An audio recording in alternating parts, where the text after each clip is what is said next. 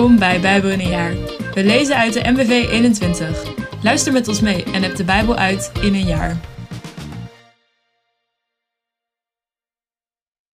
Hoi, ik ben Erwin. Het is vandaag 20 februari en we hebben de volgende teksten: Psalm 24, mm, Exodus 27 en 28 en Marcus 5, vers 21 tot en met 43 en Marcus 6, vers 1 tot en met 6. Psalm 24 van David, een psalm. Van de Heer is de aarde en alles wat daar leeft, de wereld en wie haar bewonen. Hij heeft haar op de zeeën gegrondvest, op de stromen heeft hij haar verankerd. Wie mag de berg van de Heer bestijgen? Wie mag staan op zijn heilige plaats? Wie reine handen heeft en een zuiver hart, zich niet inlaat met leugens en niet bedrieglijk zweert.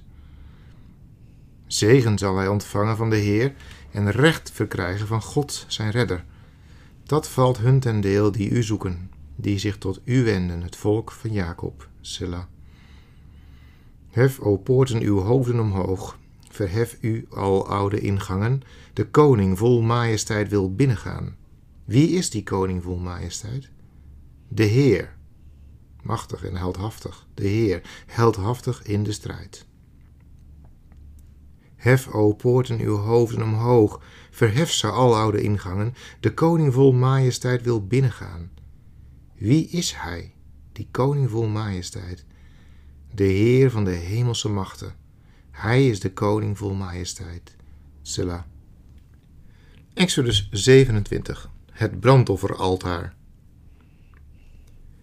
Maak een altaar van acaciahout. Het moet vierkant zijn, 5 L lang en 5 L breed en 3 L hoog. Op de vier hoeken moet het horens hebben, die er één geheel mee vormen. Bekleed het met brons. Alle bijbehorende voorwerpen moet je van brons maken. De potten voor het wegruimen van de as, de scheppen, offerschalen, vorken en vuurbakken. Maak een hekwerk om het altaar, een bronzen raster met op de vier hoeken een bronzen ring. Breng het langs de onderkant aan, onder de rand, zodat het tot halverwege het altaar reikt. Je moet voor het altaar ook draagbomen van acaciahout maken, die je met brons bekleedt. De draagbomen moeten zo in de ringen gestoken worden dat ze zich aan weerszijden van het altaar bevinden wanneer dit gedragen wordt. Het altaar moet van houten panelen gemaakt worden en van binnen hol zijn. Laat het maken zoals je het hier op de berg getoond is. De ruimte rond de tabernakel. Vers 9. De ruimte rond de tabernakel moet worden afgeschermd. Aan de zuidkant moeten over een lengte van 100 l doeken van getwijnd linnen komen en 20 bijbehorende palen op 20 bronzen voetstukken met krammen en dwarsstangen van zilver. Evenzo aan de noordkant. Doeken over een lengte van 100 l en 20 bijbehorende palen op 20 bronzen voetstukken met krammen en dwarsstangen van zilver. Aan de westkant doeken over een breedte van 50 L met 10 palen op 10 voetstukken. Aan de oostkant moet de breedte van de afgeschermde ruimte eveneens 50 L zijn. Daar moeten aan weerszijden over een breedte van 15 L doeken komen en drie bijbehorende palen die elk op een voetstuk staan.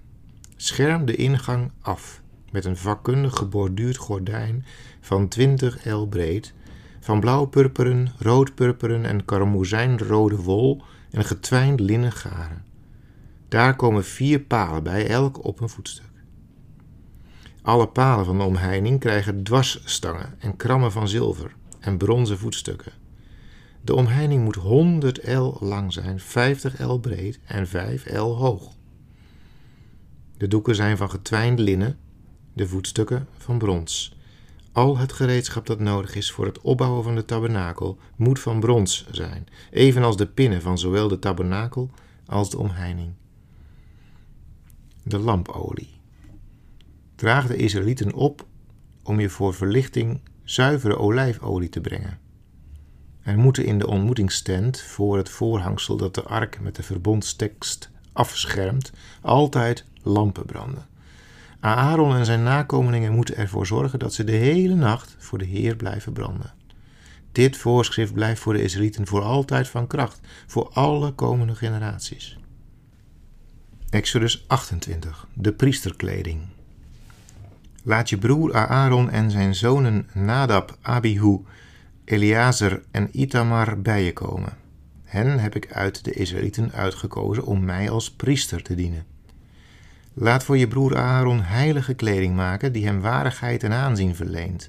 Jij moet aanwijzingen geven aan allen die hun vak verstaan en wie ik vakmanschap heb geschonken, en zij moeten dan de kleding voor Aaron maken, zodat hij kan worden gewijd en mij als priester kan dienen.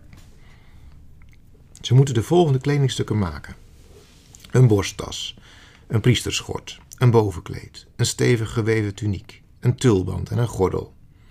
Voor zowel Aaron als zijn zonen moet de heilige kleding worden gemaakt, omdat ze mij als priester moeten dienen.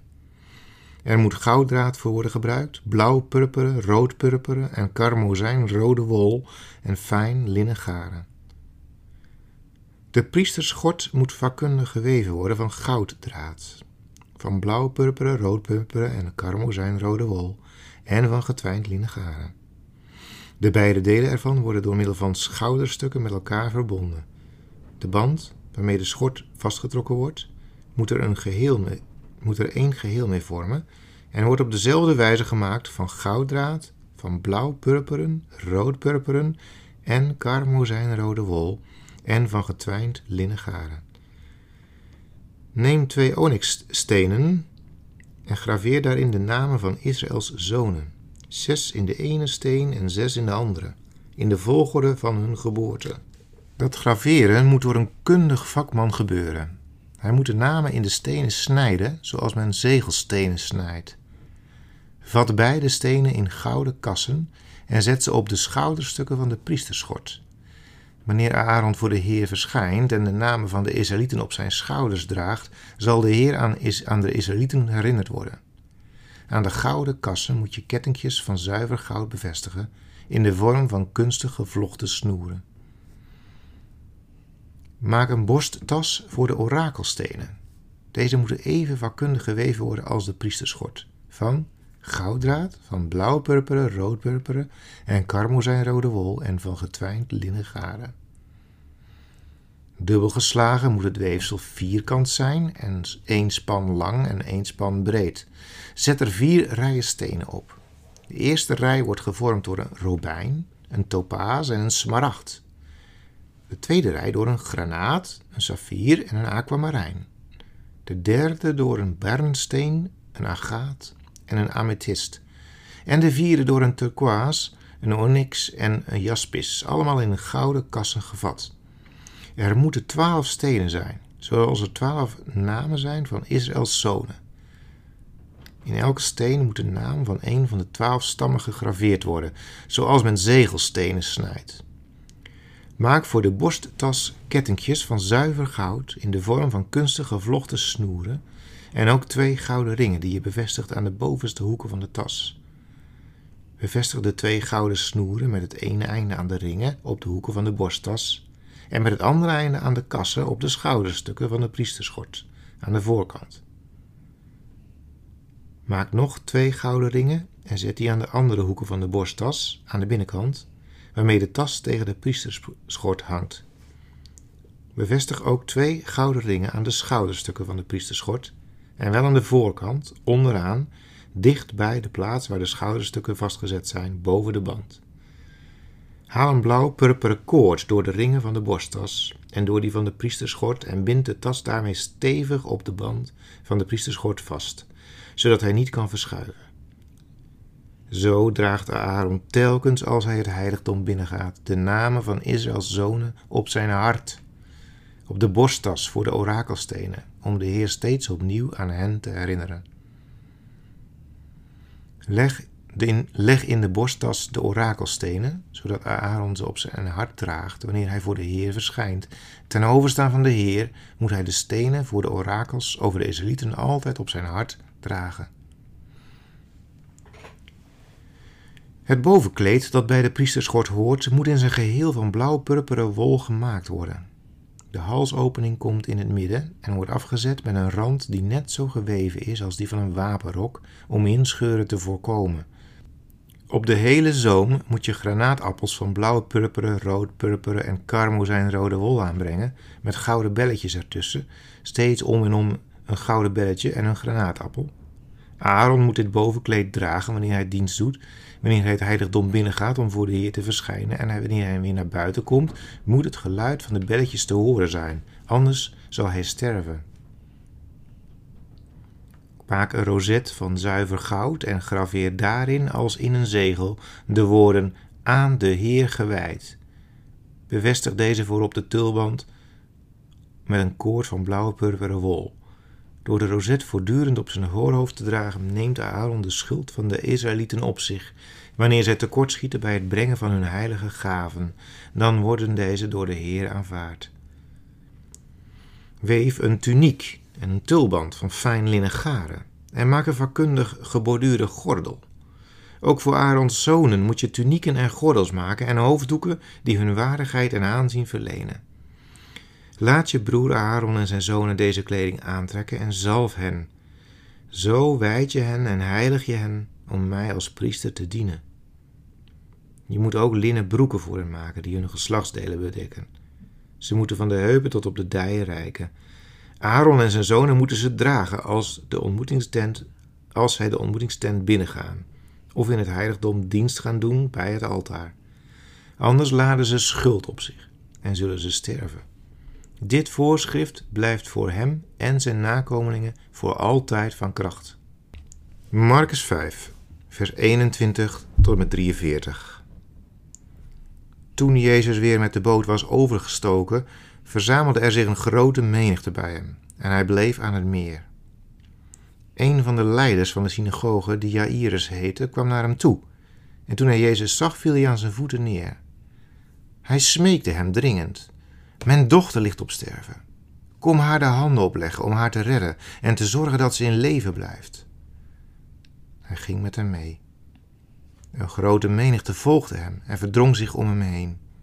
Onder hen was ook een vrouw die al twaalf jaar aan bloedverlies leed. Ze had veel ellende doorgemaakt door de behandeling van allerlei artsen aan wie ze haar hele vermogen had uitgegeven zonder dat ze ergens baat bij had gehad. Integendeel, ze was alleen maar achteruit gegaan. Ze had gehoord over Jezus en ze begaf zich tussen de menigte en raakte zijn mantel van achteren aan, want ze dacht: Als ik alleen zijn kleren maar kan aanraken, zal ik genezen. En meteen hield het bloed op te vloeien en merkte ze aan haar lichaam dat ze van de kwaal genezen was. Op hetzelfde ogenblik werd Jezus zich ervan bewust dat er kracht van hem was uitgegaan.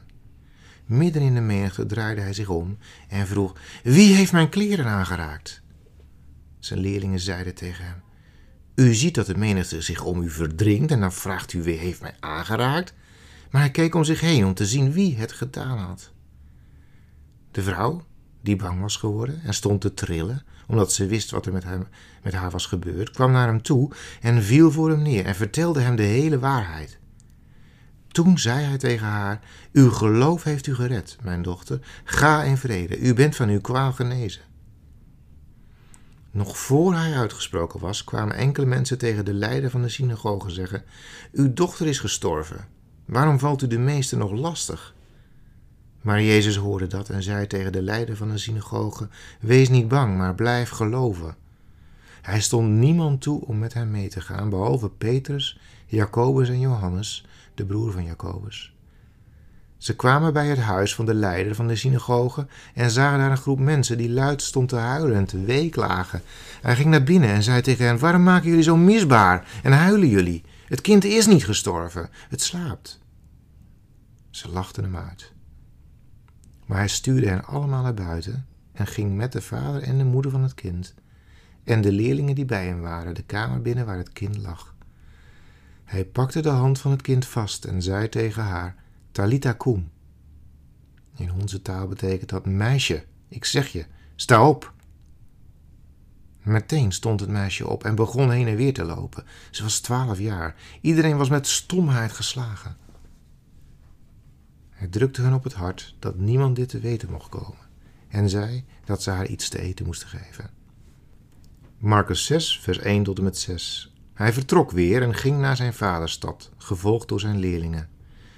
Toen de sabbat was aangebroken, gaf hij onderricht in een synagoge en vele toehoorders waren stom verbaasd en zeiden: Waar haalt hij dat allemaal vandaan? Wat is dat voor wijsheid die hem gegeven is? En dan die wonderen die zijn handen tot stand brengen. Hij is toch die timmerman? De zoon van Maria en de broer van Jacobus en Jozef en Judas en Simon? En wonen zijn zussen niet hier bij ons? En ze namen aanstoot aan hem. Jezus zei tegen hen: Een profeet wordt overal erkend, behalve in zijn vaderstad, onder zijn verwanten en huisgenoten. Hij kon daar geen enkel wonder doen, behalve dat hij een paar zieken de handen oplegde en hen genas. Hij stond verbaasd over hun ongeloof. Dank voor het luisteren en nog een prettige dag.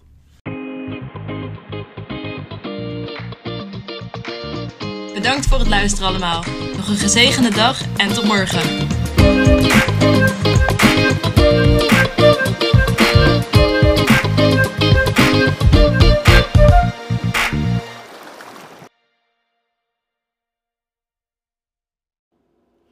Met dank aan het Nederlands-Vlaams Bijbelgenootschap voor het gebruik van de MBV 21.